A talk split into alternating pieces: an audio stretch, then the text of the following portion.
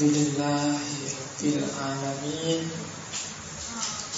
Assalatu wassalamu ala sayyidina wa maulana Muhammadin wa ala alihi wa ashabihi wa aswajihi wa dhurriyyatihi wa ahli baitihi wa man tabi'ahu ila yaumiddin amma ba'du.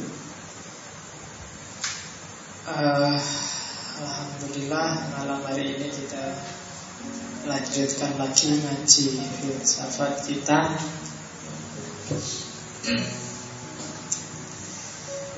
Hampir bareng sama Maulud Nabi. Hampir kan kemarin Maulud Nabi-nya. Kalau di Jogja kan sekaten ada yang sudah berjanji kemarin maaf ada ya sini sini nggak pakai berjanji. Apa tiba apa?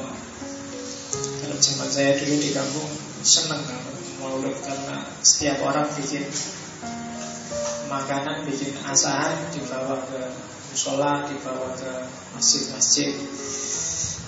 Kalau di Jogja nggak ada tradisi gitu ya jarang ada tradisi bawa makanan ke masjid kalau di tempat saya masih orang itu bawa makanan ke masjid kamu di sini malah nyari makan dan minum di masjid. Kalau di kampung bawa, bawa makan dibawa ke masjid, dibawa ke musola, dimakan bareng-bareng. Yang jelas apa pun pendapat kalian tentang Maulud Nabi, mau ada peringatan apa enggak, monggo yang penting harus gembira, harus bersyukur, harus bahagia dengan Maulud Nabi dengan kelahirannya Nabi. Bahwa rasa syukur dan rasa gembira itu diekspresikan dengan cara apa pun monggo. Yang tak suka pakai peringatan ya monggo lah syukurnya sendirian diam-diam alhamdulillah punya nabi agung punya nabi yang luar biasa yang gara-gara dia kalau bahasanya Ibnu Arabi sama Al-Halaj gara-gara dia alam semesta ini ada Gara-gara Nabi Muhammad telah Allah menciptakan alam semesta dan bikin skenario besar dunia sampai hari ini. Yang cikal bakalnya nanti disebut namanya Nur Muhammad. Itu Ibnu Arabi dan Al-Halaj. Jadi yang penting kita bersyukur. Ada yang bilang bahwa saya tidak tahu asal ini hadis apa tidak bahwa Abu Jahal itu setiap hari Senin siksaannya diringankan di neraka karena dia sempat gembira luar biasa ketika keponakannya yang namanya Ahmad nantinya namanya jadi Muhammad lahir. Jadi ketika Nabi Muhammad lahir hari Senin itu dia gembiranya luar biasa meskipun akhirnya jadi antagonisnya. Nah, gara-gara senang itulah terus siksaannya di neraka diringankan. Jadi tidak usah debat mau ada peringatan mulut Nabi boleh apa enggak? Yang penting berbahagialah, gembiralah dan bersyukurlah kita punya Nabi Muhammad. Oke, itu hikmah mauludnya Sekarang kita masuk ke filsafatnya. Ngaji filsafat ini sebenarnya ya dalam rangka kita mencari cahaya, kita mengejar cahaya puncak yang namanya nur cahaya itu kan ada di mana-mana. Ada banyak ayat di sekeliling kita selain ayat-ayat Al-Quran dan itu yang dulu Nabi disuruh baca pakai ikro itu kan itu sebenarnya. Begitu Jibril datang langsung diperintah ikro bacalah berarti membaca seluruh ayat-ayat di sekeliling kita ayat-ayat kauniyah karena di sekeliling kita banyak cahaya Nah, kita kejar cahaya itu setitik demi setitik antara lain melalui ngaji filsafat. Jadi kalau cahayanya semakin banyak, hidup kita akan semakin terang. Jadi ngaji filsafat ikut, nanti ngaji hadis juga ikut, ngaji tafsir juga ikut, ngaji mocopat juga ikut, ngaji kalau nanti jadi ada juga ikut ngaji. Itu berarti setitik cahaya, setitik cahaya dikumpulin hidupnya jadi terang. Nah itu hikmahnya. Belajar makanya majelis ilmu itu adalah majelis yang sangat dibanggakan oleh Rasulullah. Jadi tenang aja meskipun judulnya filsafat tetap kita akan dapat banyak cahaya aja. Karena cahaya itu ada di mana-mana jangan sampai kamu ketinggalan kalau ada kesempatan untuk mengambil cahaya. Karena banyak orang yang mengkonstruksi pikirannya sendiri bikin hal-hal yang dinegatifkan, diharamkan sendiri, dilarang-larang sendiri Yang itu menjauhkan dia dari cahaya. Filsafat cahaya nanti kita belajar dari Surawarti Termasuk dari Mula Sadra Cahaya itu tidak ada lawannya Lawannya cahaya bukan kegelapan Karena kegelapan itu sebenarnya kan Sama ruangan ini semuanya kan tidak ada yang gelap, tidak ada yang mana yang tersentuh cahaya itulah yang terang, yang tidak tersentuh itulah gelap. Jadi gelap itu bukan tidak bercahaya, tapi belum tersentuh oleh cahaya. Jadi bukan lawannya terang. Oke, itu Surawardi yang bilang. Kalau di Mula Satra kan cahaya itu ada gradasinya. Semakin kamu jauh dari cahaya, semakin kamu gelap. Jadi kita sebenarnya bergerak dari dunia terang ke dunia yang lebih terang Bukan dari gelap ke terang sebenarnya Jadi kayak kalau ruangan ini lampunya satu Itu sudah terang sebenarnya Jadi begitu lampunya dua semakin terang Lampunya tiga terang Lampunya apa semacam Dan itulah hidup. Sampai nanti kita ketemu di puncaknya terang Puncaknya cahaya Yang itu nanti oleh Surawati disebut Nurul Anwar Oke. Okay. Nah itu pengantarnya untuk hari ini. Nanti sebenarnya ada hubungannya sama estetika Cuma ya Nanti kalau ada sesi kita sudah selesai dengan dasar-dasar filsafat dan konsep-konsep filsafat populer Mungkin ada saatnya kita masuk ke filsafat Islam. Ini masih dasarnya kita jadi santai-santai aja kita jalan pelan-pelan Ya kalau ada kesempatan tak cuplik dikit-dikit. Yang sekiranya nyambung sama suasana kita hari ini Suasana menurut Nabi Muhammad. Kalau ada orang, karena kemarin ada orang tanya Jadi sebenarnya saya males diskusi Boleh nggak peringatan maulid Nabi? Yus monggo ya. Mau boleh ya. Peringatilah ya. Nggak mau ya sudah nggak apa-apa ya. Itu aja Kan nggak pernah dilakukan sahabat. Nggak pernah dilakukan oleh Nabi. Tidak semua yang baik pernah dilakukan oleh Nabi. Iya. Contoh paling gampang Al-Quran itu tidak ada sama Nabi. Yang kamu pegang dan kamu baca sekarang itu kan tidak ada sama Nabi. Tapi itu kan baik. Tapi kan tidak dilakukan oleh Nabi Tapi kan kita yakin bahwa Al-Quran itu baik. Bahkan kalau tidak ada mushaf itu kan kita kesulitan untuk mengkaji ayat-ayat Allah. Jadi dia baik. Cuma zaman Nabi tidak ada.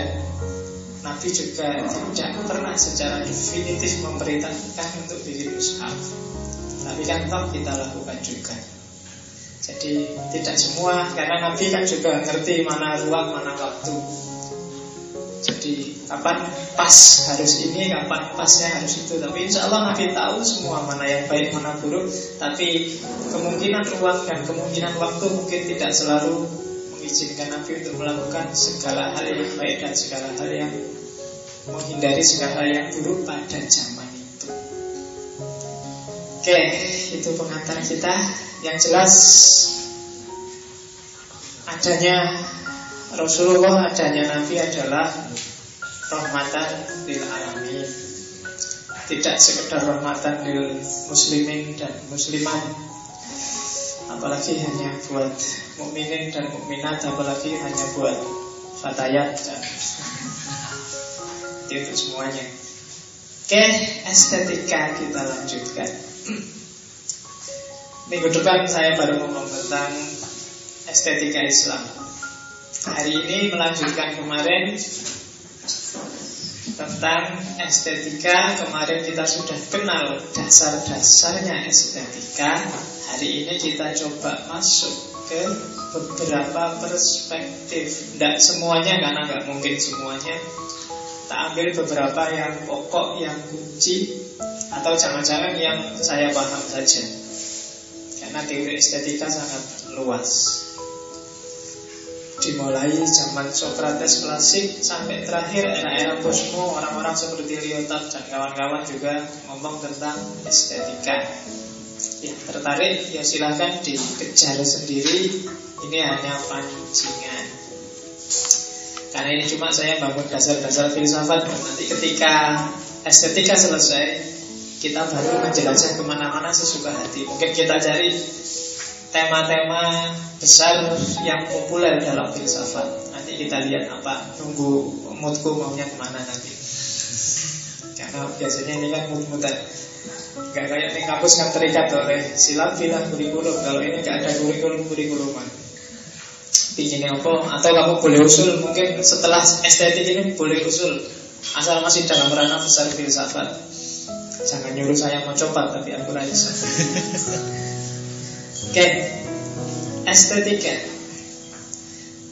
Saya buka dulu dengan teorinya di Lianji. Mungkin kamu pernah baca bukunya orang ini. Mahasiswa UGM. Saya lupa tahun berapa dulu tapi lama kata nenek moyang dulu. Orang pinter kalau kamu sempat baca sejarahnya di Lianji itu SMP-nya cuma 2 tahun, SMA-nya juga 2 tahun. Selesai. Kuliah di UGM Di PhD-nya dari Amerika Saya lupa di mana. Diselesaikan dalam jangka waktu cuma 7 bulan. Kemudian Sepanjang karirnya saya sekitar saya tidak tahu mungkin nggak nyampe 20 tahun nulis sekitar 56 buku filsafat. Saya tidak tahu di sini orang mahasiswa AF apa enggak. Coba deh sekali-sekali adalah skripsi yang bahas tokoh-tokoh Indonesia seperti Dirianji, Triyarkara, kan banyak tokoh-tokoh filsafat dari Indonesia. Oke, ini tak ambil dari bukunya Filsafat Seni dia nulis dua buku yang ada hubungannya dengan estetika. Yang pertama judulnya Filsafat Seni Yang kedua judulnya Filsafat Keindahan. Sama-sama ada, silahkan dicari. Semoga masih ada di toko buku. Kalau nggak ada ya cari di perpus-perpus biasanya ada.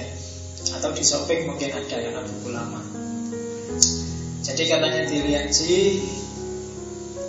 ada empat dimensi manusia empat dimensi manusia.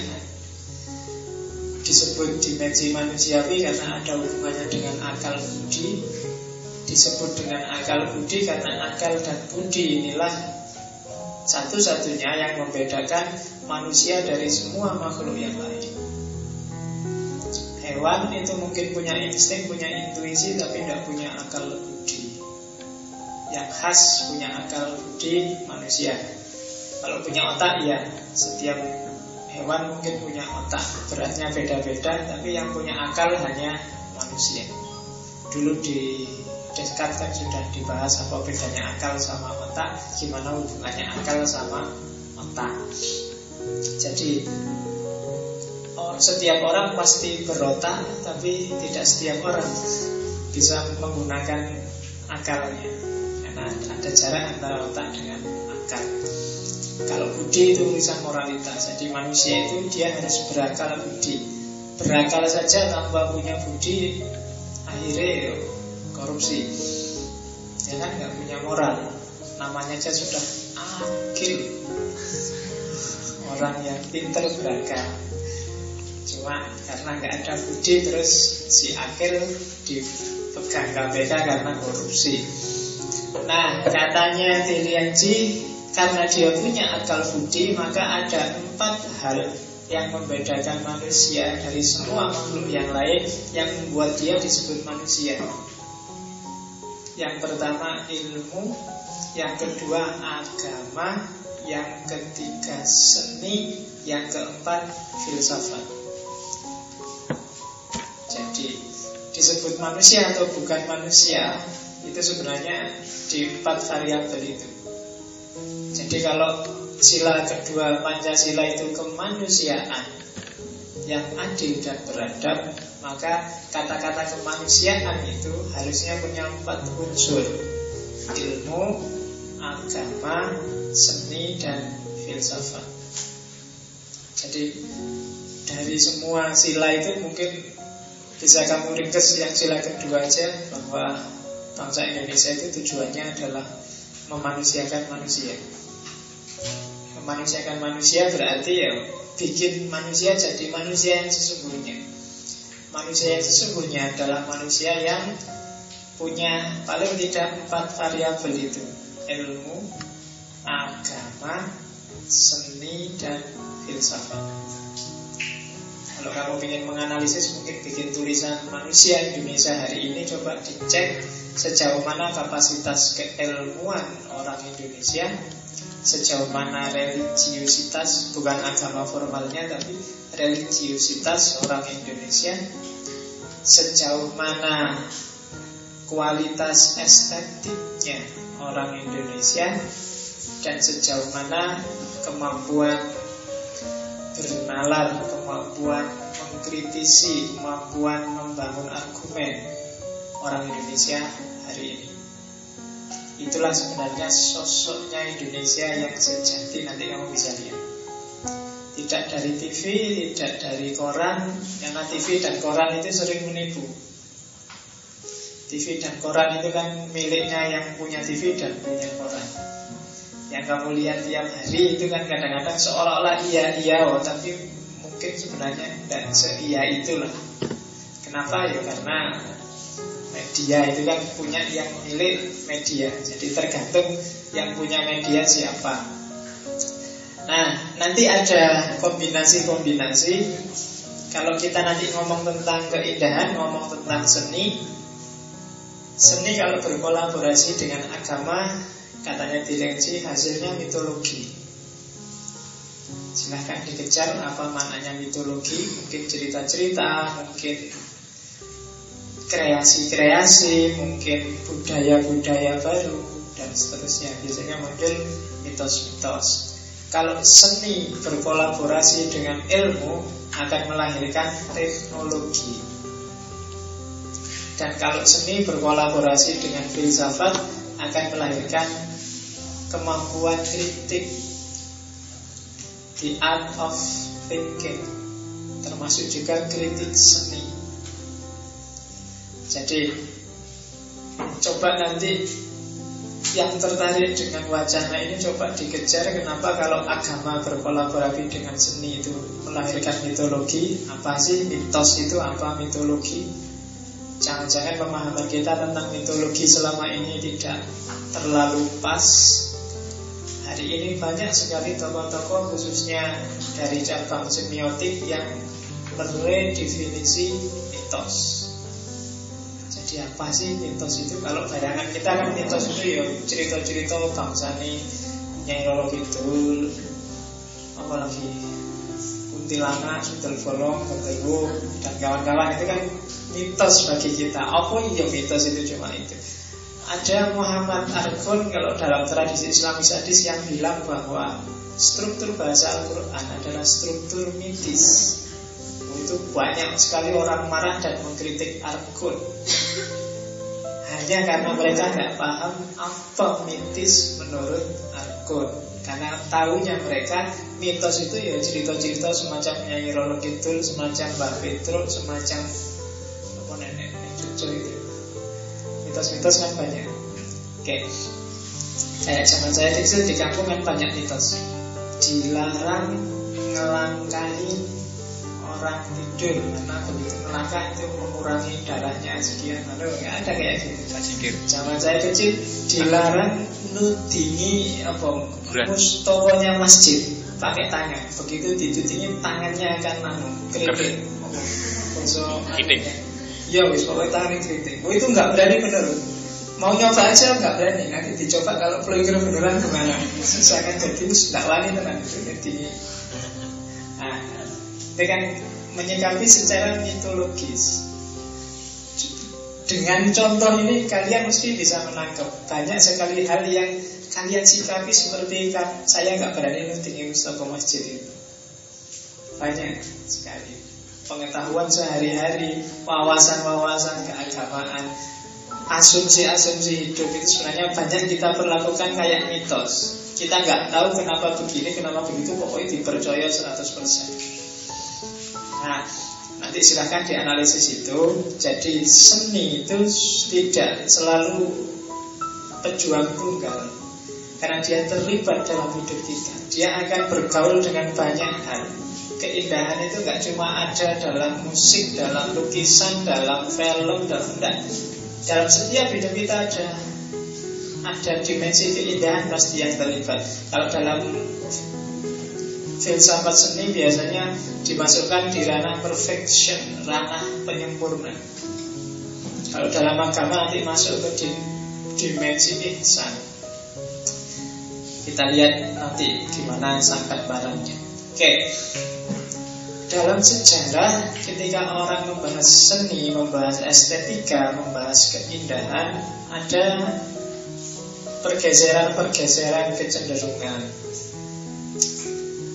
Orang klasik zamannya Socrates dan kawan-kawan Yunani kuno ketika membahas estetika yang banyak dibahas bukan objek estetiknya tapi produsen estetiknya, pelaku estetiknya, orangnya.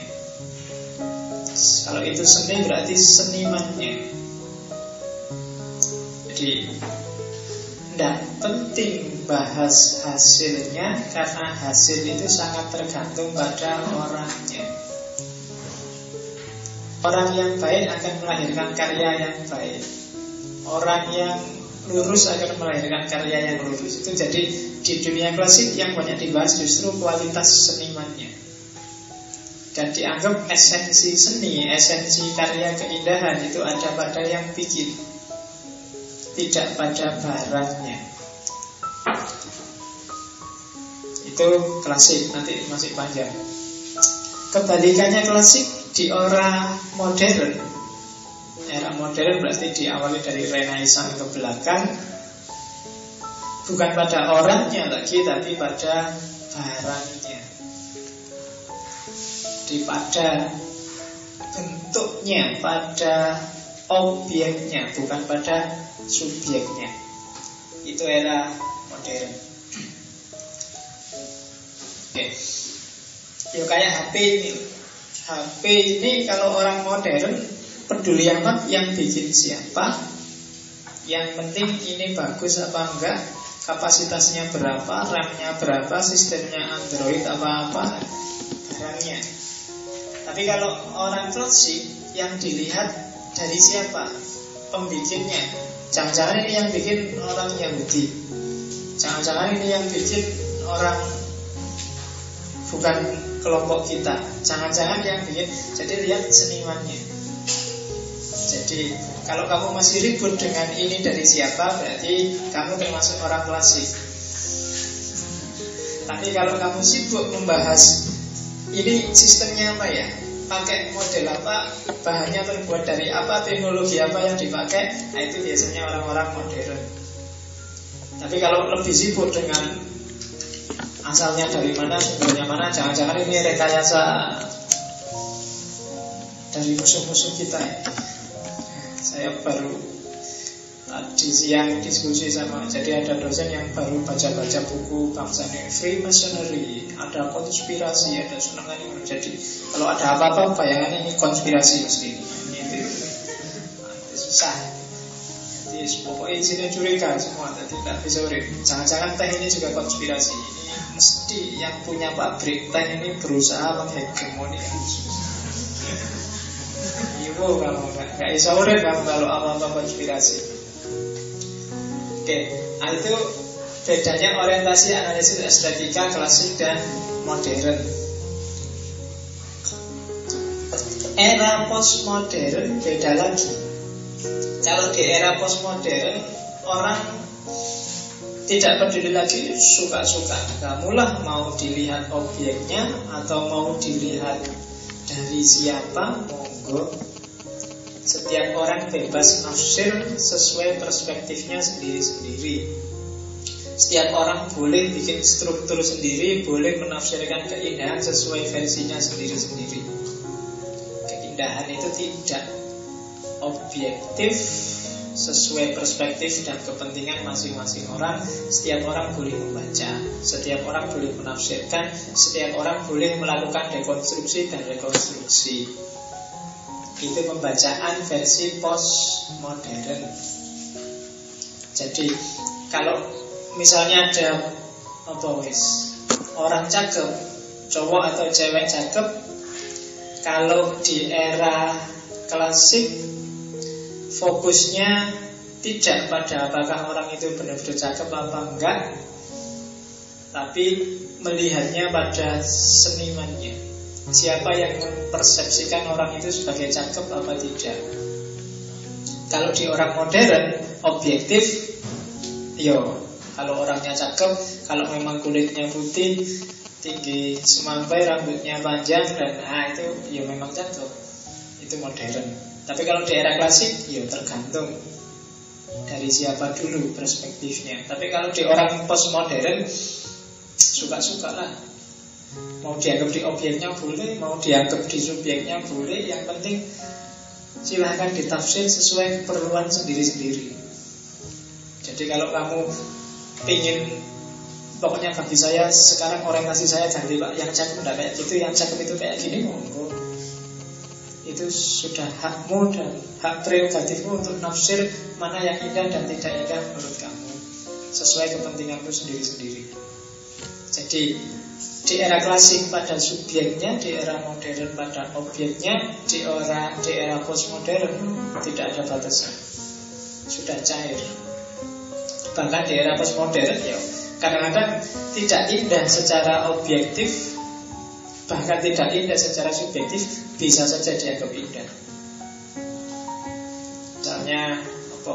Kalau saya di jalan itu kadang-kadang jejer saya nggak tahu komunitas apa yang biasanya pakai Vespa Jolek, Vespa mungkin tahun 40-an itu ditambah sampah-sampah di iketin di situ dengan bangganya dia muter-muter kota dan bagi dia itu indah.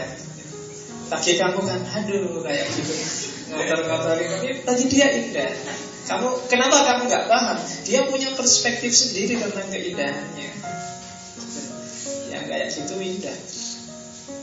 Kayak, ya sama kayak kamu kan, kamu suka lihat orang pakai you can see Sementara para kiai mungkin kalau lihat kayak gitu dia alergi atau gatal Kalau ya, sesuai kepentingan dan perspektifnya sendiri-sendiri. Jadi ada era klasik punya logika sendiri, era modern punya logika sendiri, era postmodern punya logika sendiri dalam menanggapi objek estetik. Sekarang kita masuk ke tiga tokoh besar filsafat. Socrates, Plato, Aristoteles. Tiga orang ini bagi Hegel dan kawan-kawan bagi banyak filosof adalah kamu mau belajar filsafat apa aja? Cari inspirasi dari tiga orang ini karena hampir semua pemikiran filsafat berawal dan bersumber dari tiga orang ini dan gak akan jauh-jauh kalau katanya Wittgenstein cuma catatan kaki filsafat itu dari tiga orang ini. Maka kita coba lihat tiga orang ini. Maha gurunya adalah Socrates, gurunya adalah Plato dan muridnya Plato adalah Aristoteles.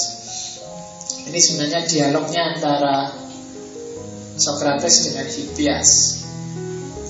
Ngomong tentang cantik dan tidak cantik, ngomong tentang beauty. Apakah kecantikan itu objektif ataukah subjektif.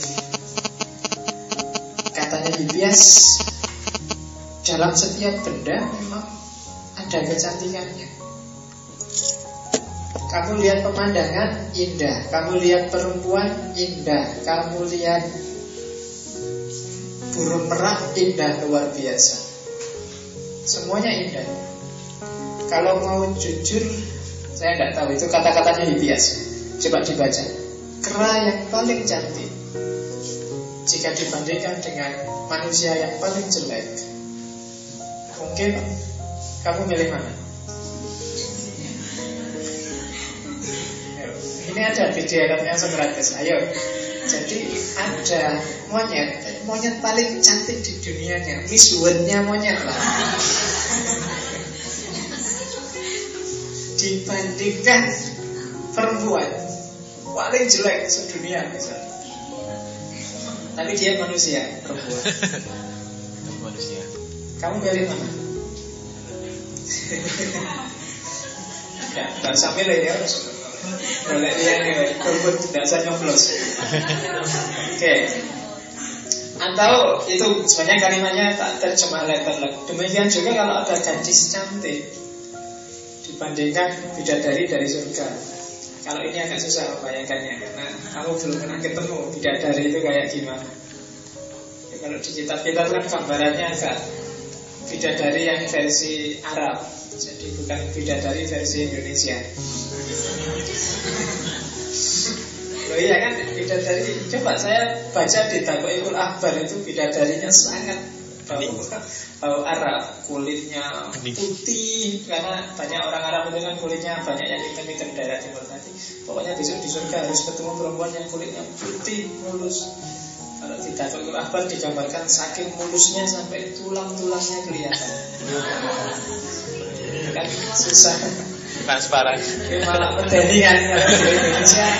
Yang tulangnya kelihatan itu kan bangsanya itu tadi. Promosi susu.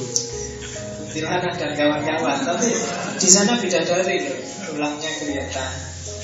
Kemudian putihnya kulitnya itu seputih kapur bayangkan ada kulitnya putih kayak kapur gitu oke jadi bidadarinya masih bidadari versi Arab.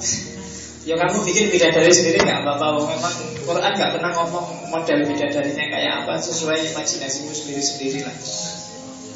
Nah, gadis paling cantik dibandingkan bidadari ya tetap kamu milih gadis saja ya karena bidadari cuma bayang singono ya. Oke, orang paling pintar, orang paling bijaksana Ya dibandingkan Tuhan yang bijaksana juga tidak, ada bandingannya apa-apa. Meskipun demikian Meskipun kalau ada monyet paling cantik Dan manusia paling jelek Mungkin kamu milih manusia Tapi setiap objek Katanya Hippias yang nanti disetujui oleh Socrates itu punya keindahannya sendiri-sendiri Tidak bisa dibandingkan Burung merak itu luar biasa indahnya Ya kan? Misalnya kamu jalan-jalan di kebun binatang sama pacarmu, terus lihat burung merak, wah indah sekali, cantik sekali. Pacarmu cemburu nggak kira-kira? Aku naksir berat sama burung merak ini cantik kan enggak? Karena dia tahu meskipun dia ngomong cantik kan maksudnya tidak sebanding dengan kecantikannya pacarnya yang dia tahu. Jadi ada kualitas keindahan yang beda-beda. Misalnya baju kamu punya baju bagus kan indah sekali bagus sekali baju ini kan? Beda ketika kamu lihat cewek cakep wah indah sekali beda.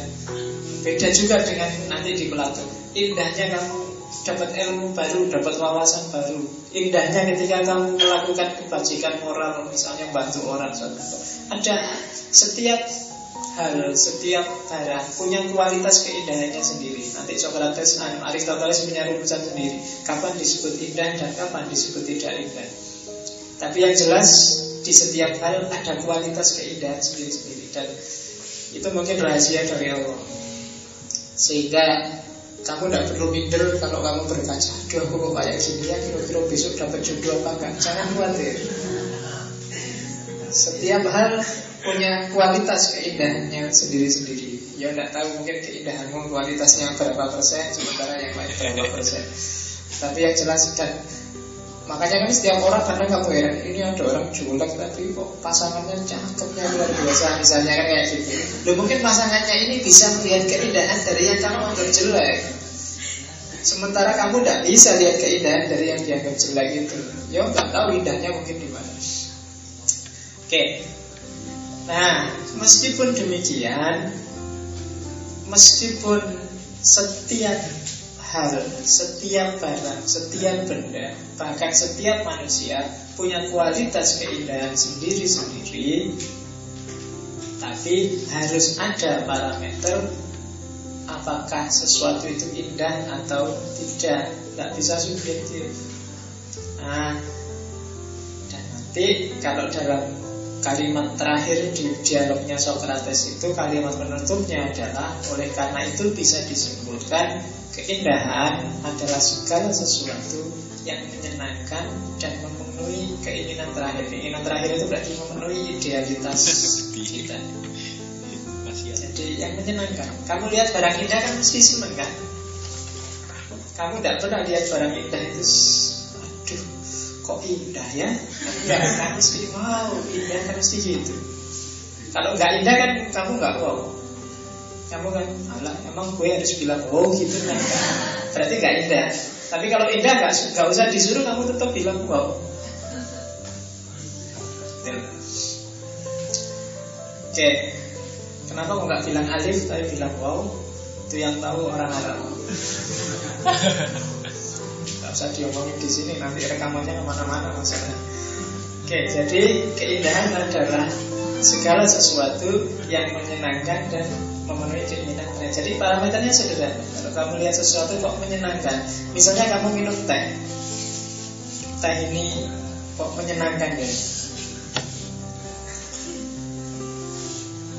berarti indah tapi begitu kok manis banget ya jadinya kadar kesenangannya akan turun berarti bagimu mungkin jadi tidak indah. Jadi menyenangkan dan memenuhi ke, keinginan terakhir memenuhi idealitasmu. Tadi aku ngomong kemanisan terus jadi nggak indah kenapa? Karena ada ideal di pikiranku bahwa teh yang enak itu yang seperti ini seperti ini nggak terlalu manis nggak terlalu coklat nggak terlalu dan seterusnya. Jadi kadang-kadang kan itu yang kadang-kadang orang bilang, wah kamu tipe dulu. Padahal mungkin ada yang lebih dari itu, ada yang lebih cakep, ada yang lebih luar biasa. Tapi tidak, saya nggak milih yang lebih itu. Kamu aja, kamu tipe dulu. Nah itu kenapa? Karena kamu punya idealitas. Jadi bikin kamu senang dan pas dengan kriteria Itulah indah. Definisinya Socrates lebih gampang. Yang agak panjang sebenarnya Plato. Ada beberapa pikirannya Plato nanti yang diadopsi oleh beberapa pemikir muslim Sehingga terus tidak senang dengan seni. Tapi meskipun demikian maunya Plato sebenarnya tidak ke sana. Kalau di Plato keindahan harus diawali dengan cinta dulu. Jangan dibalik Kalau kita kan biasanya indah dulu Ah indahnya terus cinta Kebalik, kalau katanya Plato, cinta dulu, senang dulu, baru kamu bisa menemukan keindahannya. Kalau nggak senang nggak bisa. Nah ini nanti dalilnya kamu yang dinikahkan, dijodohkan. Jadi suara apa nanti ketemu sendiri keindahannya. Jadi caranya apa? Di kos itu kan Caranya adalah yang disebut cinta Pak Dirimu dikosongkan Semua kriteria yang ada di kepalamu buanglah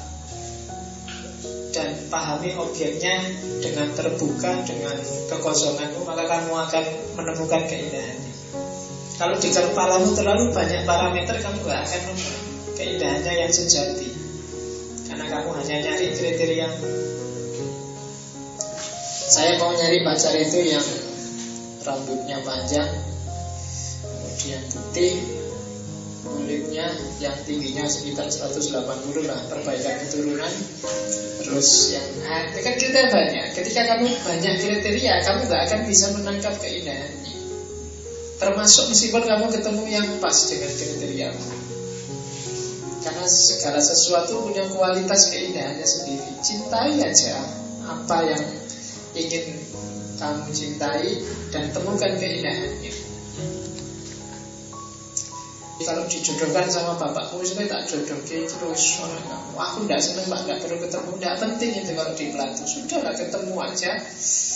Nikah juga tidak apa-apa. Kemudian mulailah mencintai Dan kamu akan ketemu keindahannya. Nah itu. Gak percaya coba. Jadi dalilnya yang tidak lalu boleh pakai dalil ini. Jadi tenang aja besok mesti ada. Oke, nah itu satu dua tiga empat lima di nomor kedua itu ada ada prosedurnya. Cuma keindahan itu ada levelnya. Dan setiap orang sebenarnya harus naik kelas.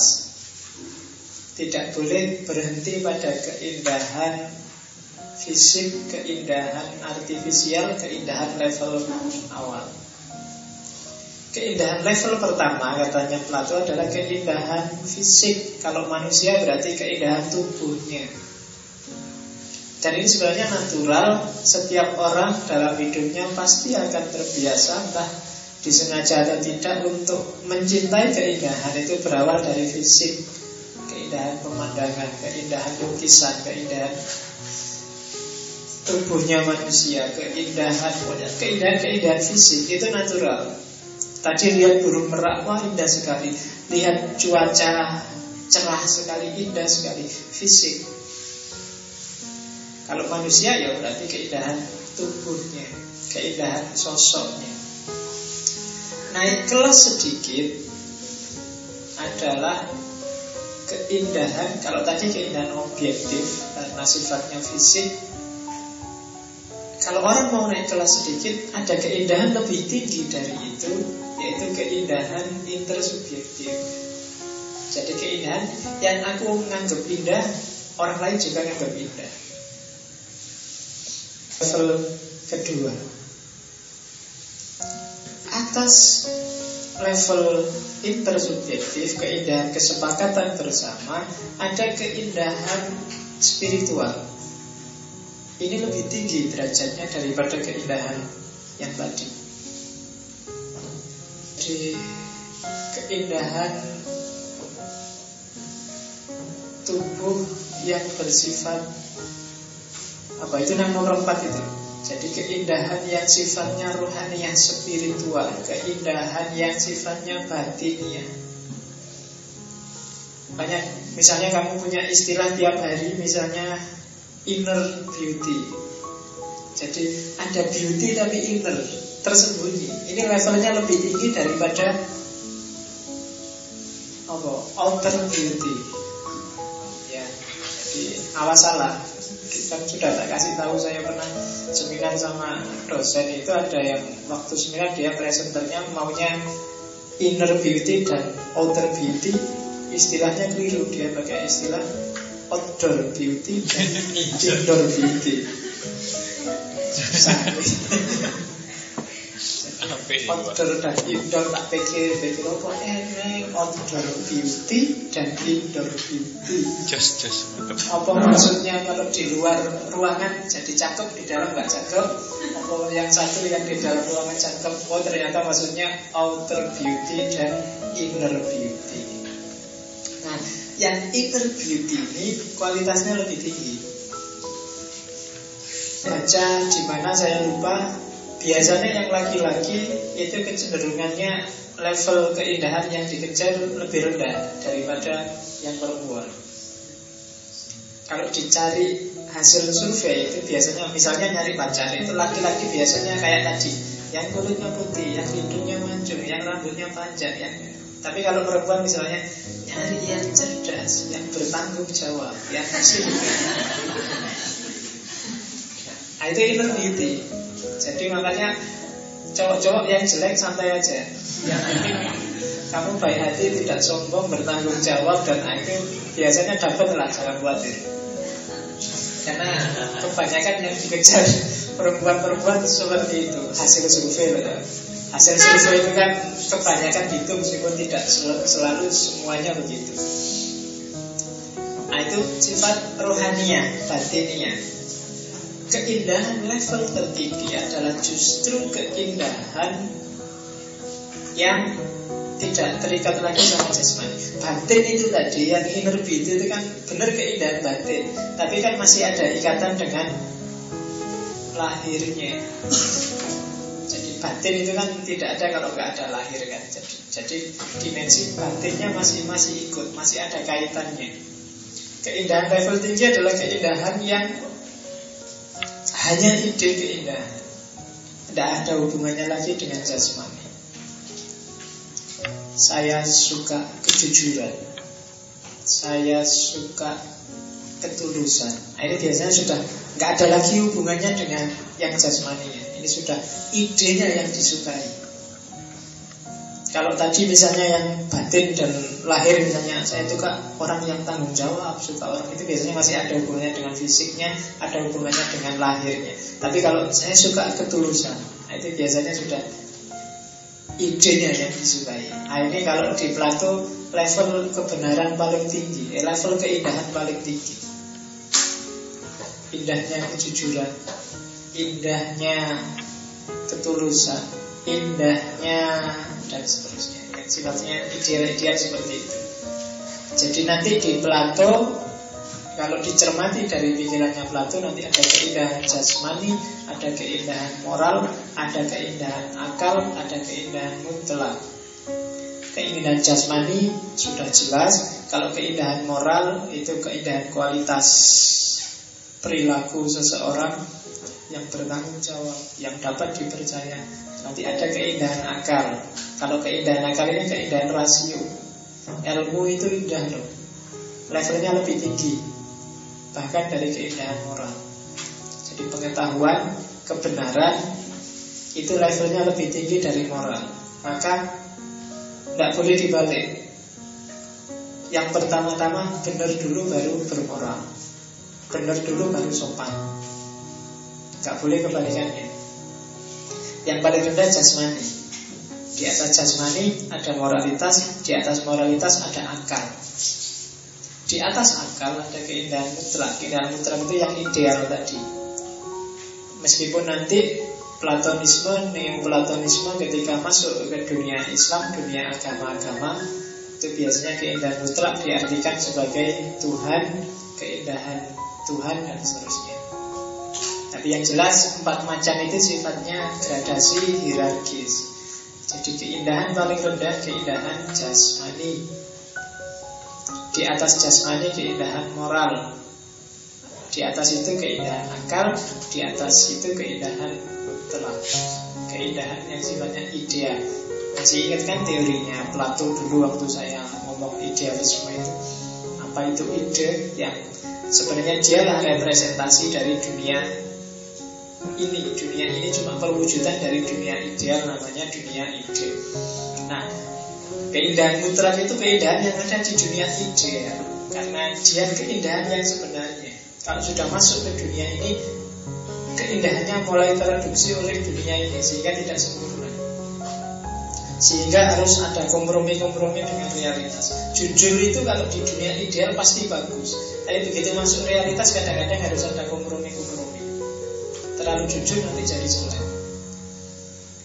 Misalnya ada temenmu hidungnya pesek eh cek pesek nah, itu kan terlalu jujur itu namanya. Jadi tidak indah padahal jujur itu sebenarnya indah. Kenapa bisa begitu? Karena realitas mereduksi ideal tadi.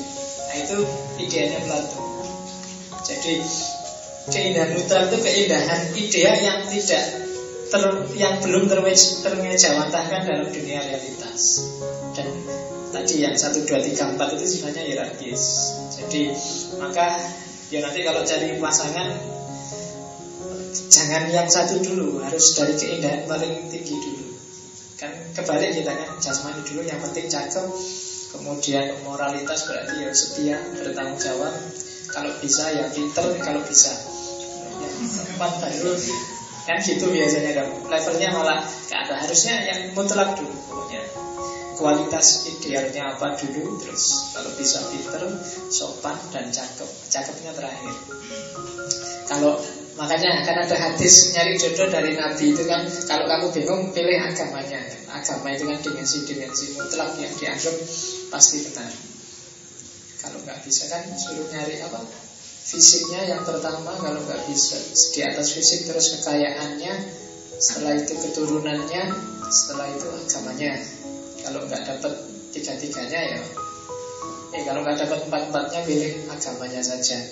Atau kalau kamu bingung ya Nyari istri itu yang religius Yang cakep Yang kaya Yang anaknya konglomerat kan maunya. Masaknya bagus Wajahnya cakep Agamanya bagus oh, Luar biasa Itu keindahan mutlak gitu Cuma nyarinya susah adanya cuma di film dan di mimpi. Oke. Ya atau asal jangan kamu tafsirkan oh berarti berdasarkan hadis itu saya harus nyari istri empat. Yang pertama yang pintar agama jadi jadi keluarga sakinah itu yang pertama fisiknya berarti nyari istri artis, yang kedua kekayaannya berarti nyari istri yang konglomerat, yang ketiga nasabnya berarti nyari istri yang anaknya pejabat, yang keempat agamanya nyari istri anaknya kiai pas, punya istri bupati. Oke, kenapa kok empat? Nah, itu jangan-jangan ada hubungannya sama itu tadi. Oke, itu keindahan. Agak unik pikirannya Plato tentang seni akhirnya. Jadi karena tadi Plato punya dunia ideal Dunia ideal itu kan dunia ideal di luar dunia kenyataan Sementara dunia nyata ini hanya imitasi, hanya tiruan dari dunia ideal Tiruan itu kalau bahasa Yunani namanya mimesis Jadi dunia mutlak yang ideal diterjemahkan dalam dunia tiruan ya dunia nyata yang kita hidup sehari-hari ini Sementara yang namanya seni itu adalah tiruan dari dunia nyata. Yang dunia nyata itu tiruan dari dunia ideal. Jadi tiruan dari tiruan itulah seni. Kalau bahasanya Plato ya namanya mimesis memesos.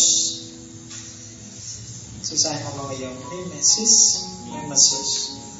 Tiruan dari tiruan. Jadi kalau kamu lagi gegeran sama pacarmu, hatimu palsu, hatimu mimesis. Tapi kalau kamu balik-balik dibohongi polso palsu lagi, berarti mimesis, mimesis. Palsu semuanya, nggak ada yang asli, tiruan. Jadi dunia nyata tiruan dari dunia ide dan seni itu turian dari tiruan dari dunia nyata. Maka tiruan dari tiruan. Derajatnya seni berarti kalau di Plato rendah. Karena dia levelnya tiruan dari tiruan. Jadi dia tidak terlalu senang dengan seni. Yang pertama karena dia tiruan Yang kedua karena seni sering membawa pengaruh buruk Yang bikin orang geser dari orientasi idealnya Karena fokus pada dunia tiruan. Fokus pada dunia ini saja itu kalau di Plato kan sudah melenceng. Karena dunia ini dunia yang palsu dunia yang sejati itu dunia ide. Apalagi fokus pada dunia tiruannya dunia yang palsu. Jadi kalau berdasarkan Plato itu ya seni itu tidak penting. Seni kadang membawa pengaruh buruk. Itu Plato ya. jadi ini dalil bagi kamu yang tidak suka seni. Jadi pakailah Plato Yang tidak suka selawatan Yang tidak suka terbangan Yang tidak suka lagu Yang tidak suka musik Yang tidak suka apa. Nah itu dalilnya Plato begitu Makanya tadi saya bilang banyak para ulama yang Cara berpikirnya mewarisi Plato. Yang disebut Neoplatonis Yang masuk dalam banyak pemikiran, segi-segi pemikiran dunia filsafat Islam. Didukung beberapa nas mungkin hadis juga mungkin asar sehingga terus banyak yang musik itu haram. Kemudian apalagi pokoknya yang seni-seni haram nonton film haram lukisan haram. Nonton wayang haram. Nonton nah itu karena memang sebenarnya argumentasi asalnya adalah bahwa bukan haram lidatihi tapi haram karena lihoirihi karena dengan seni mungkin kadang-kadang kita lupa kesejatian terlalu asik mendengarkan buka sidik jos kan kamu terus jadi lupa bahwa ada yang lebih esensial dalam hidup ini dibandingkan kamu nonton YKS, nonton Facebooker, nonton apa OVJ, nonton apalagi. Kan kamu selalu gitu. Jadinya kamu terpalikkan dari dunia kesejatian. Itu yang sebenarnya dikhawatirkan oleh Plato. Jadi dia boleh kok kamu mungkin musik asal dengan musik justru membantu kamu menemukan dunia yang sejati asal dengan lukisan membantu kamu merenung asal dengan kan itu. Yang dikhawatirkan kan itu tadi pengaruh buruknya. Kamu sedang senang dunia seni kan gitu. Begitu kamu senang apalagi gandrung kan biasanya kamu mati-matian. Yang lagi senang dangdut kan biasanya mau eh, dangdut is the best. Yang lagi senang lagu jazz jazz is the best. Yang lagi senang blues senang rock senang kan selalu begitu nah itu yang dikhawatirkan oleh Plato. Jadi dia nggak terlalu senang dengan seni. Karena seni itu dunia yang palsu. Seenak-enaknya dunia palsu Lebih enak dunia yang sejati. Sedahsyat-dahsyatnya kamu nonton film pacaran Lebih dahsyat pacaran.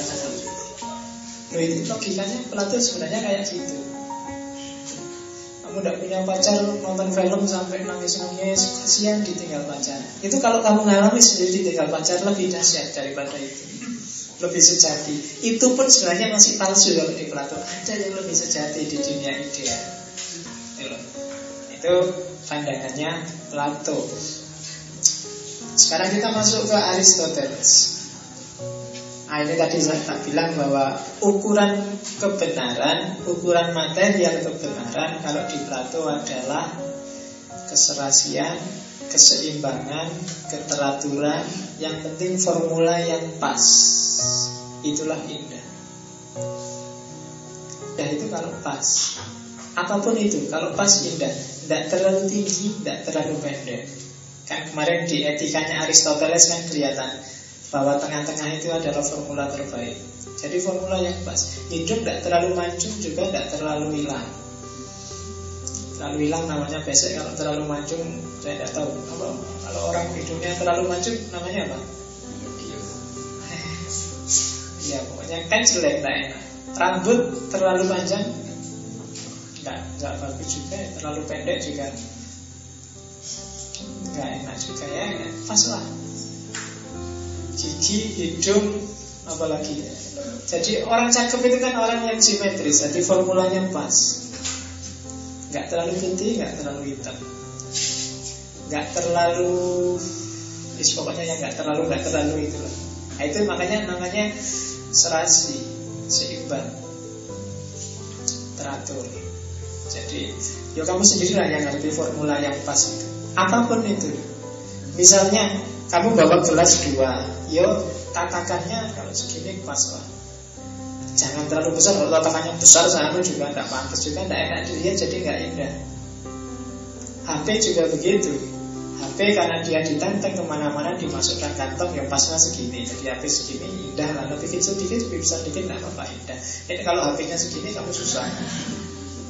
Jadi nggak indah. Jadi kamu ke mana-mana motong-motong ini terus halo kan enak pasnya ya memang segini itu indah. Dari segala yang disebut indah dan tidak indah kuncinya simpel. Formulanya harus pas. Serasi seimbang teratur. Oke. Terus di Plato Ya, jadi indah itu dia ideal. Sama kayak Plato Cuma idealnya Aristoteles bukan ideal di awang-awang Seperti dunia idealnya Plato Ideal itu ya di sini hari ini. Ideal itu misalnya manusia yang ideal itu manusia yang seperti gini-gini dan orangnya memang ada di sini bukan konsep. Dan dia dirumuskan secara empiris karena dari kehidupan nyata rumusan empiris itu. Misalnya kayak gini loh kalau dia saja orang cakep itu misalnya orang yang matanya ambil matanya orang Eropa kulitnya kulitnya orang Asia Tenggara rambutnya pakai rambut orang Afrika ini contoh aja kok. Kemudian hidungnya pakai hidung orang India, kemudian bibirnya pakai bibir orang Papua, kemudian Oh ini contoh. Nah, ideal dia kayak gini itu yang namanya ideal dari dunia nyata, bukan ideal di awang-awang kayak idealnya Plato tadi. Jadi ukurannya serba pas dan dirumuskan dari alam nyata. Jadi tidak sifatnya awang-awang. Karena memang Aristoteles alirannya realisme Beda sama gurunya yang punya aliran idealisme Aristoteles menulis buku khusus tentang seni yang judulnya Poetika yang tertarik silahkan dibaca sendiri karena nggak mungkin tak jelasin panjang lebar. Bagi yang ingin ngerti apa itu katarsis, bagaimana seni bisa menjadi katarsis bagi jiwa, kemudian apa itu pragma, apa itu think. Jadi kalau di Aristoteles ada teori think Nanti kita lihat mungkin ada di slide saya belakang Ada think Ada sesuatu. Istilah sesuatu. Ya yang sekarang mungkin Beberapa waktu yang lalu sering dipakai oleh sehari ini. Sesuatu. Ya itu ada Ada ini Oke itu Aristoteles. Kemudian tak tambahi satu lagi Immanuel Kant. Sebenarnya banyak tokoh-tokoh estetik. Tak ambil beberapa yang kunci Immanuel Kant dengan Dastil acinya, Immanuel Kant dengan imperatif kategorisnya punya konsep tentang keindahan dan seni yang sifatnya objektif. Jadi estetika itu, keindahan itu punya empat karakter. Yang pertama adalah disinterestedness. Jadi tanpa adanya tampur tangan dari manusia, tanpa adanya apa kepentingan dari manusia. Yang kedua, universalitas, keindahan itu berlaku dalam segala ruang dan segala waktu.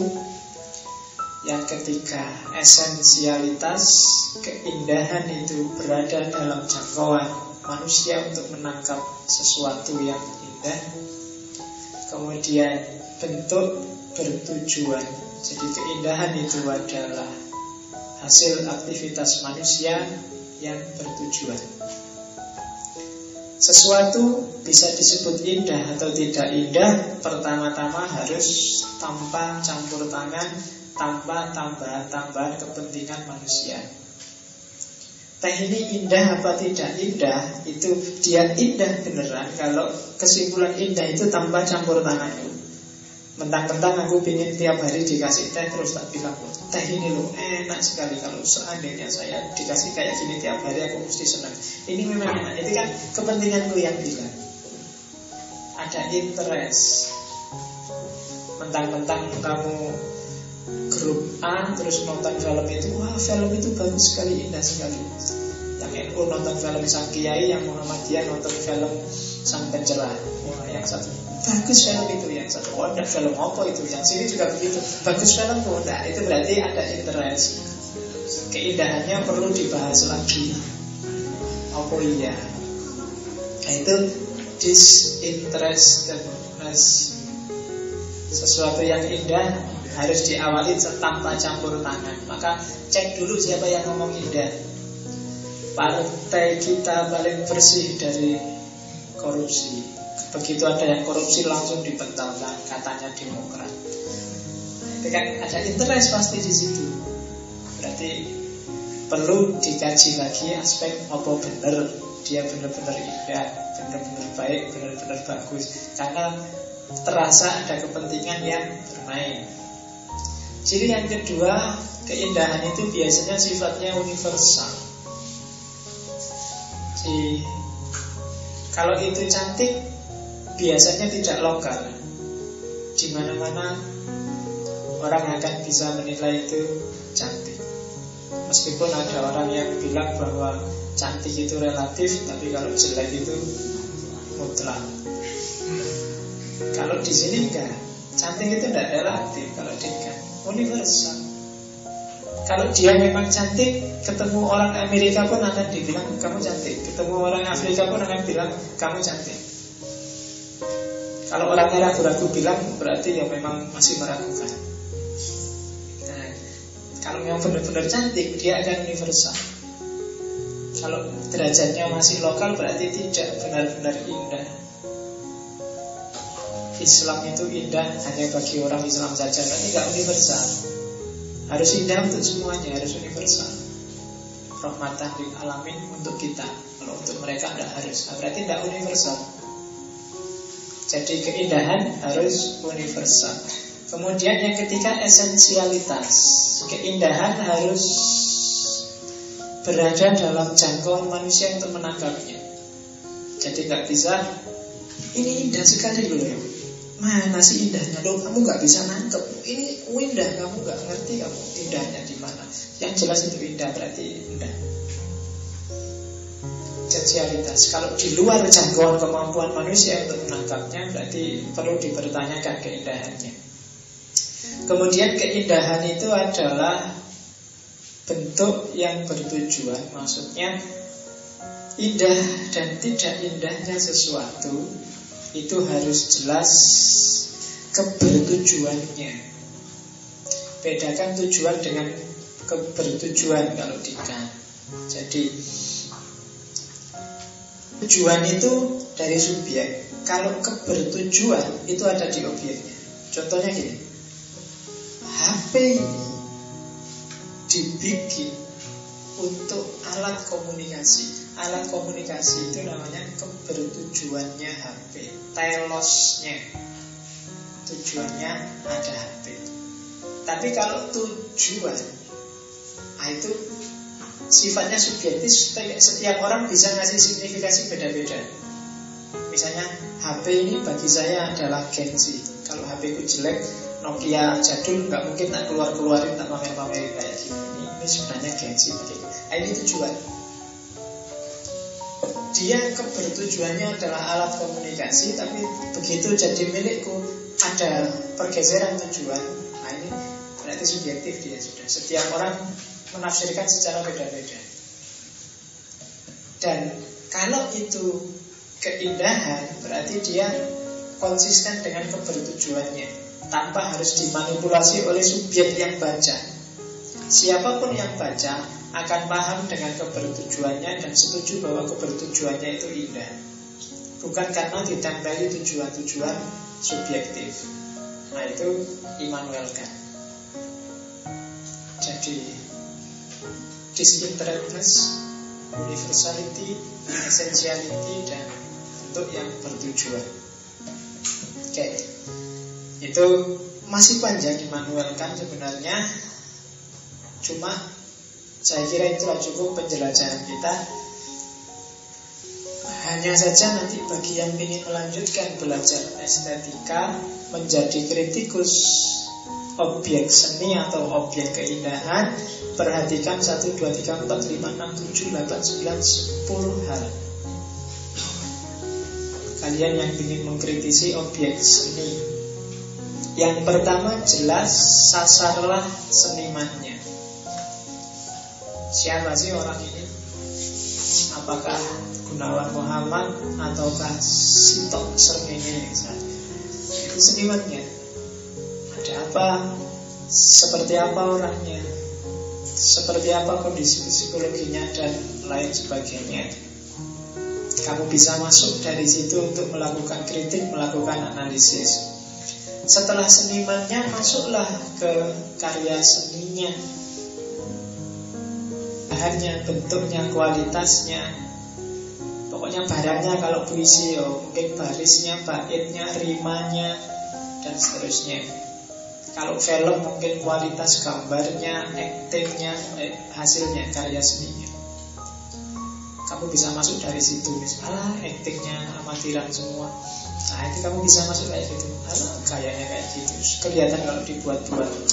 Nah nangisnya kelihatan bukan nangis natural Itu nangis karena dikasih berambang sama bawang. Atau ah itu karya seninya. Ada juga Itu kamu bisa masuk dari situ melakukan kritik Boleh juga kamu masuk lewat konteksnya. Ini dulu karyanya sih biasa-biasa Tapi dia dibikin dalam kondisi yang ah, itu menentukan.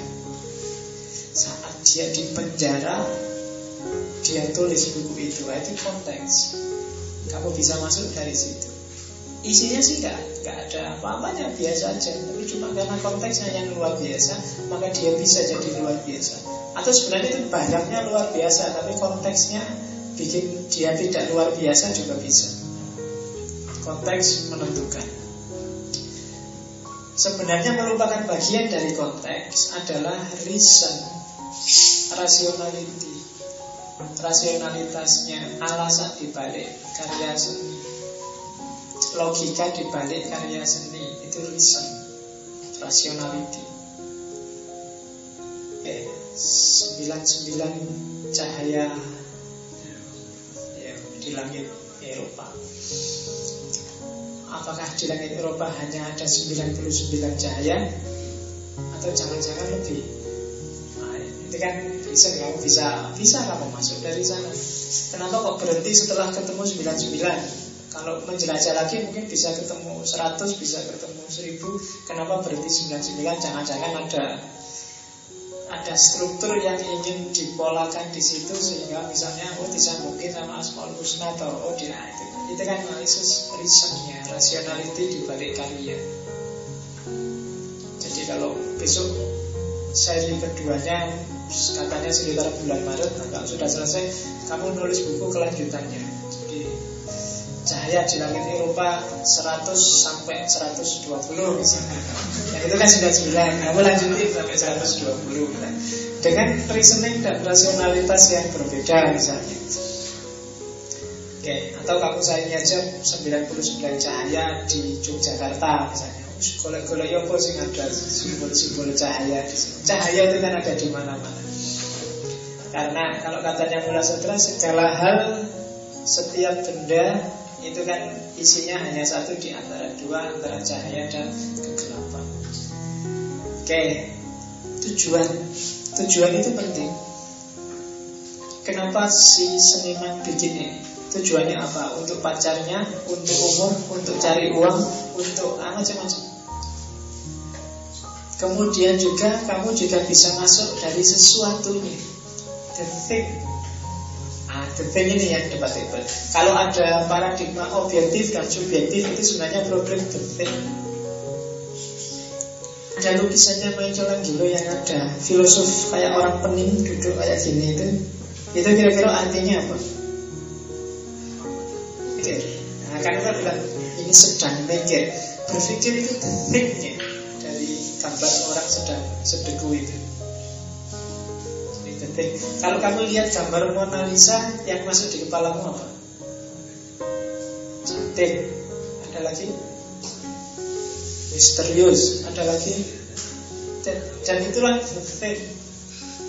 Detik itu mungkin beda antara si seniman dengan pembacanya. Jadi itu yang disebut sesuatu. Ada sesuatunya. Nah, sesuatu itu mungkin antara saya sama kamu beda. Senyummu ini mengandung detik. Iki senyum aduh. Detik namanya. Setiap karya seni pasti ada itunya. Silahkan dicari dan boleh ditafsirkan suka-suka kamu. Mungkin thing dari senimannya nggak kamu setujui, kamu bawa thing sendiri. Kamu bawa sesuatumu sendiri. Kemudian kamu bisa masuk juga sebagai reader atau lewat reader. Kalau itu reader berarti di sana pasti ada apropriasi. Apropriasi itu perspektif yang dibawa oleh reader untuk membaca karya apropriasi menyesuaikan dengan kondisinya reader.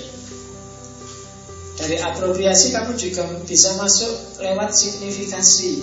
Kalau signifikasi itu makna-makna baru, apalagi arti-arti baru yang dibawa oleh reader, yang diberikan oleh reader pada karya. Itu signifikasi. Ini awalnya oleh pengarangnya tujuannya bikin alat komunikasi tak kasih signifikasi dia bukan cuma alat komunikasi tapi juga alat apa alat musik nah, tak bikin duduk-duduk ini ya. jadi alat musik ini namanya tak kasih signifikasi atau alat melempar kamu kamu kok ngantuk tak lempar nah itu signifikasi semula alat komunikasi sekarang tak kasih signifikasi jadi alat bangunin kamu biar nggak ngantuk. Itu signifikasi dan yang terakhir kamu bisa juga masuk lewat common sense. Common sense itu pandangan umum hari ini yang dianggap biasa Jokowi siap jadi presiden itu kan common sense. Setiap orang ya wis Jokowi kan ya itu sekarang eranya Jokowi itu sudah jadi common sense. Setiap orang sudah tahu dan menganggap dia memang seperti itu. Nah, terhadap karya seni juga begitu. Coba dicek common sense-nya. Kamu bisa masuk dari situ. Biasanya yang tidak melawan common sense itu akan menjadi anomali yang kadang-kadang awalnya mesti dibenci orang. Kamu bisa masuk lewat jalur itu. Kenapa sih kok orang benci dengan ini? Apa cengnya banyak orang?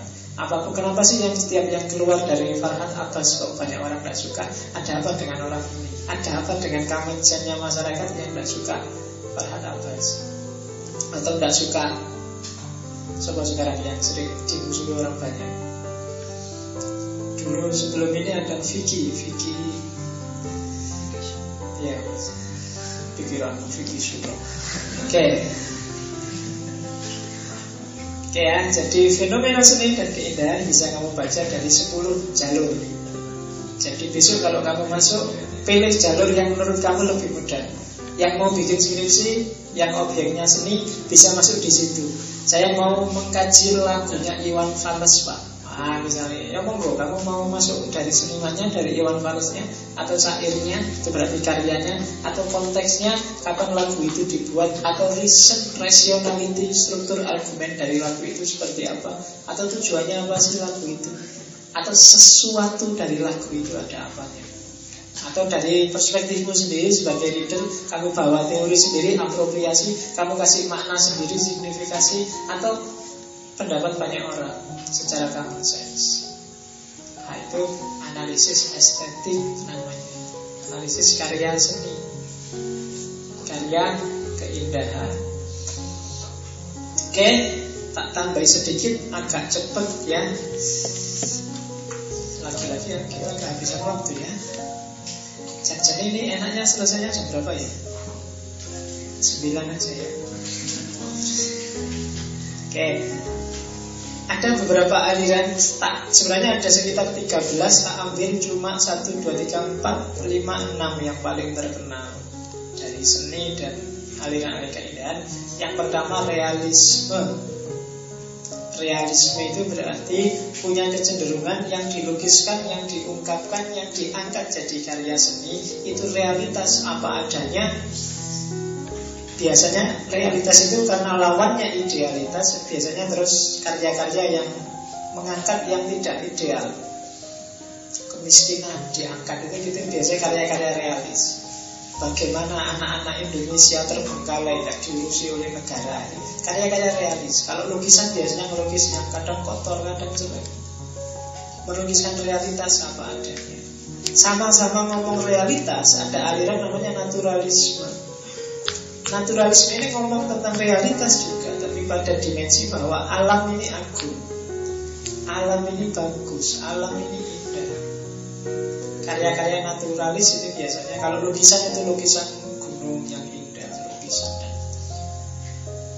Yang lupa kemarin saya baca tulisan tentang kenapa sih hampir semua anak kecil baik di Indonesia maupun di luar negeri kalau disuruh gambar pemandangan mesti gambar gunung dua yang kemudian ada jalan di tengahnya dan di atas gunung tengah-tengahnya ada matahari yang ya kenapa? Saya baca lupa itu di internet itu cuma analisisnya agak saru. Jadi itu ada insting apa gitu kalau ide yang tak jelaskan di sini ganti cerita. Nah itu naturalisme gambar gambar jadinya. Jadi aliran yang melukiskan bahwa alam ini aku. Dan biasanya nggak kayak realisme yang digambarkan yang bagus-bagus. Matahari pagi sunset dan seterusnya. Kalau di Jogja kan nggak cuma ada sunrise sunset tambah satu lagi sunmon itu bedanya Jogja sama yang lain.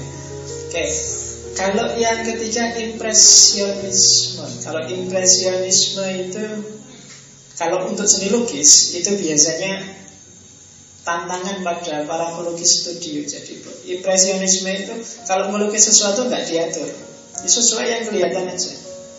Terang ya dilukis terang, gelap ya dilukis gelap. Impresi sesuai kesan dari si pelukis.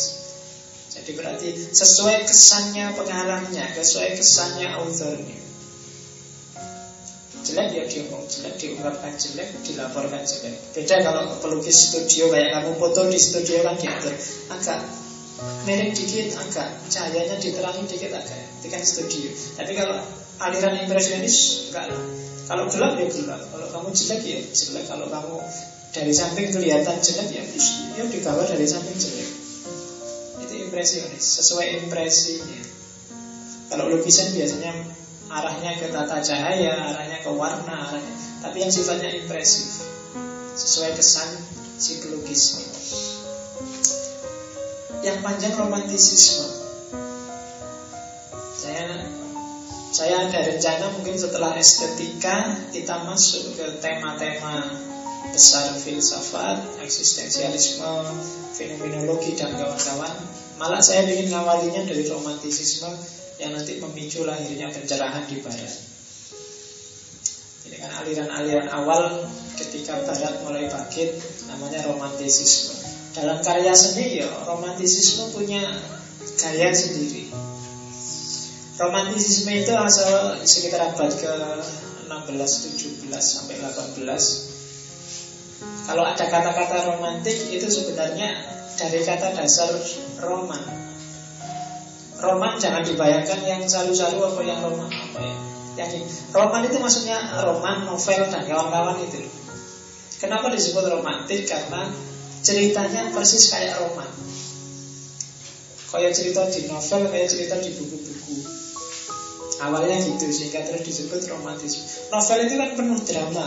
Roman itu kan ada dramatisasinya. Wong tinggal bilang I love you aja dadak nyari bunga Bunganya taruh depan rumahnya. Orangnya terus sembunyi ngeliat. Terus makan aja Tinggal makan aja pakai nyari yang remeng-remeng. Dikasih lilin segala Dikasih terus Roman Kayak di buku-buku. Oke. Kalau seni biasanya Kalau itu romantis fokusnya pada rasa si pengarang.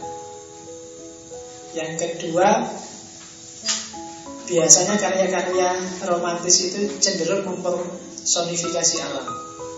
Kalau mungkin kalian biasanya orang yang awal-awal latihan bikin puisi, itu biasanya cenderung mempersonifikasi alam. Jadi apa? Mengeksploitasi alam senyummu bagaikan halilintar yang nah itu kan eksploitasi alam kemudian ya kan tubuh ya kan melihatmu bagaikan laut yang menggelegar ya kan? Sering itu cirinya orang romantis jadi eksploitasi alam mempersonifikasi alam. Jadi kamu hati-hati. Eksploitasi itu gak cuma dari puisi juga bisa.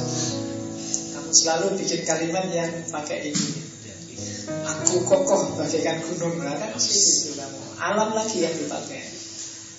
Ya itu cirinya aliran romantisisme.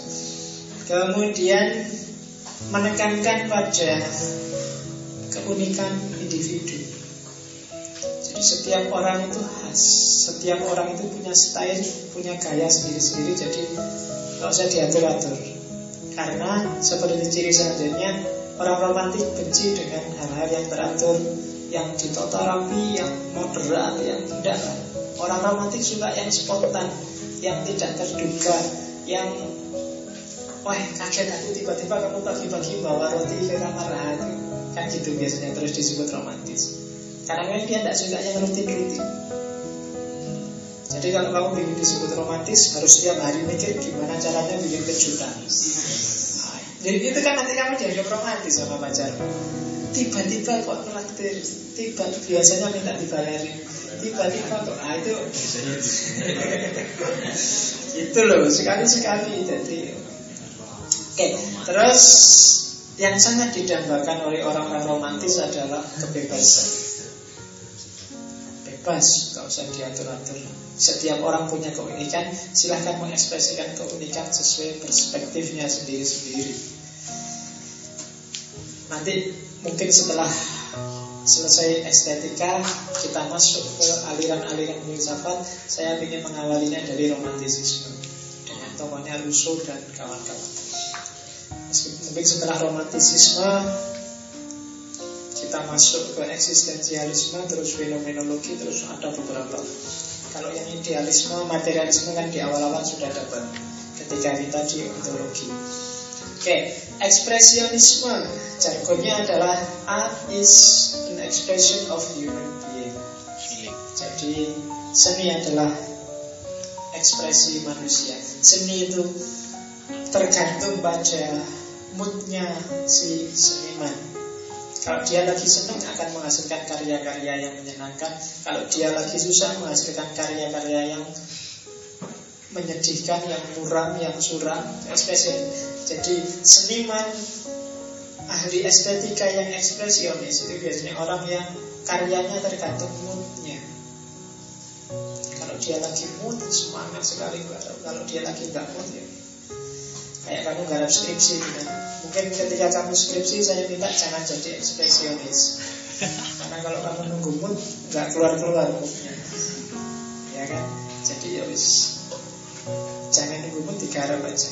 Nah, Tapi kalau ekspresionis memang tergantung kesan penghayatan dan suasana hatinya. Itu biasanya orang ekspresionis.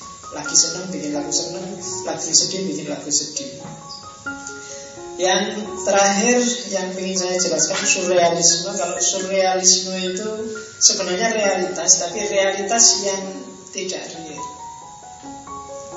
Makanya surrealisme itu ada yang bilang nama lainnya adalah realisme dunia mimpi. Bahannya realitas tapi kami olah secara surrealis, secara mimpi. Misalnya apa film-film science fiction itu kan kebanyakan surrealis. Surrealis itu bahannya kayak kayak beneran. Besok ada meteor yang mau nabrak dan meteor beratnya berapa? Itu karya surrealis. Film 2012 itu kan seolah-olah luar biasa tapi sebenarnya kan cuma hayalan cuma mimpi. Dan kamu takut beneran 2012 kiamat. Itu sebenarnya surrealis. Jadi karya yang realitas tapi realitas mimpi realitas yang sifatnya hayalan oke yang terakhir ini khusus bagi yang tertarik untuk belajar estetika ada beberapa isu dari beberapa tokoh tidak harus tak baca satu-satu kamu baca sendiri di rumah. Kalau ingin bahas karya seni bahas Plato, Aristoteles dan seterusnya yang bahas sikap estetis bahas itu yang bahas argumentasi seni tokoh-tokoh itu kualitas dan nilai estetis, gaya dan bentuk tentang interpretasi seni, ekspresi dan emosi dalam seni, lambang dan metafora seni, imitasi, makna dan kenyataan dan seterusnya kamu baca sendiri. Bagian ingin mendalam di dunia estetika. Untuk minggu depan saya ingin masuk sebentar ke religius estetik estetika religius. Ya mungkin karena kita di masjid Konteksnya kita ambil angle-nya dari Islam. Mungkin nanti saya ambil sedikit dari Syed Hussein Nasr Kita ambil sedikit dari seni tauhidnya Faruqi. Mungkin untuk Indonesia ada yang pernah nulis estetika religius itu Abdul Hadi WM tapi nanti kita lihat apa yang bisa saya tampilkan untuk estetika religius nunggu moodnya besok gimana. Karena kadang-kadang mood itu menentukan apa yang bisa ditampilkan. Oke ya, sudah jam setengah sepuluh. Silahkan kalau ada tanggapan. Alhamdulillah nggak ada.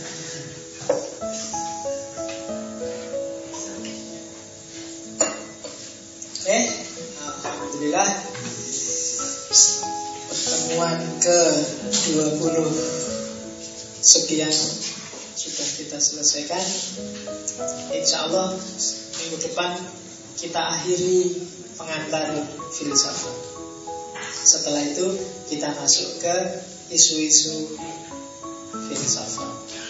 Nah kalau yang isu-isu Agak ringan kita bisa agak menjelajah tidak harus runtut seperti sekarang. Kita cari yang paling menarik, kita cari yang paling populer, kita cari. Bahkan mungkin kalau ada yang mau usul, silahkan usul mau tema apa, tapi jangan tema kecil, tema agak besar biar agak enak. Tema kecil itu misalnya Pak gimana mengatasi rasa minder saya? Itu tema kecil. Jangan itu ya. Tema yang agak besar saya tentang kalau kamu ingin membahas rasa mindermu kayak gimana ya berarti kita angkat ke tema besar misalnya psikoanalisisnya Freud atau saya nggak mau yang psikis pak, yang agak filosofis. Ya wis kita masuk ke eksistensialisme. Nah, kayak gitu. Jadi temanya agak tema besar. Atau kamu baca-baca buku filsafat yang ingin ngerti yang tentang apa. Pak, saya penasaran dengan filsafat yang namanya teori apa, itu bisa melayani request tapi yang pas saya bisa ya pas aku raiso ya paling aku bikin alasan jangan itu tidak penting ada yang Oke, saya akhiri sekian. Allahumma muwaffiq wallahu a'lam bishawab. Wassalamualaikum warahmatullahi wabarakatuh.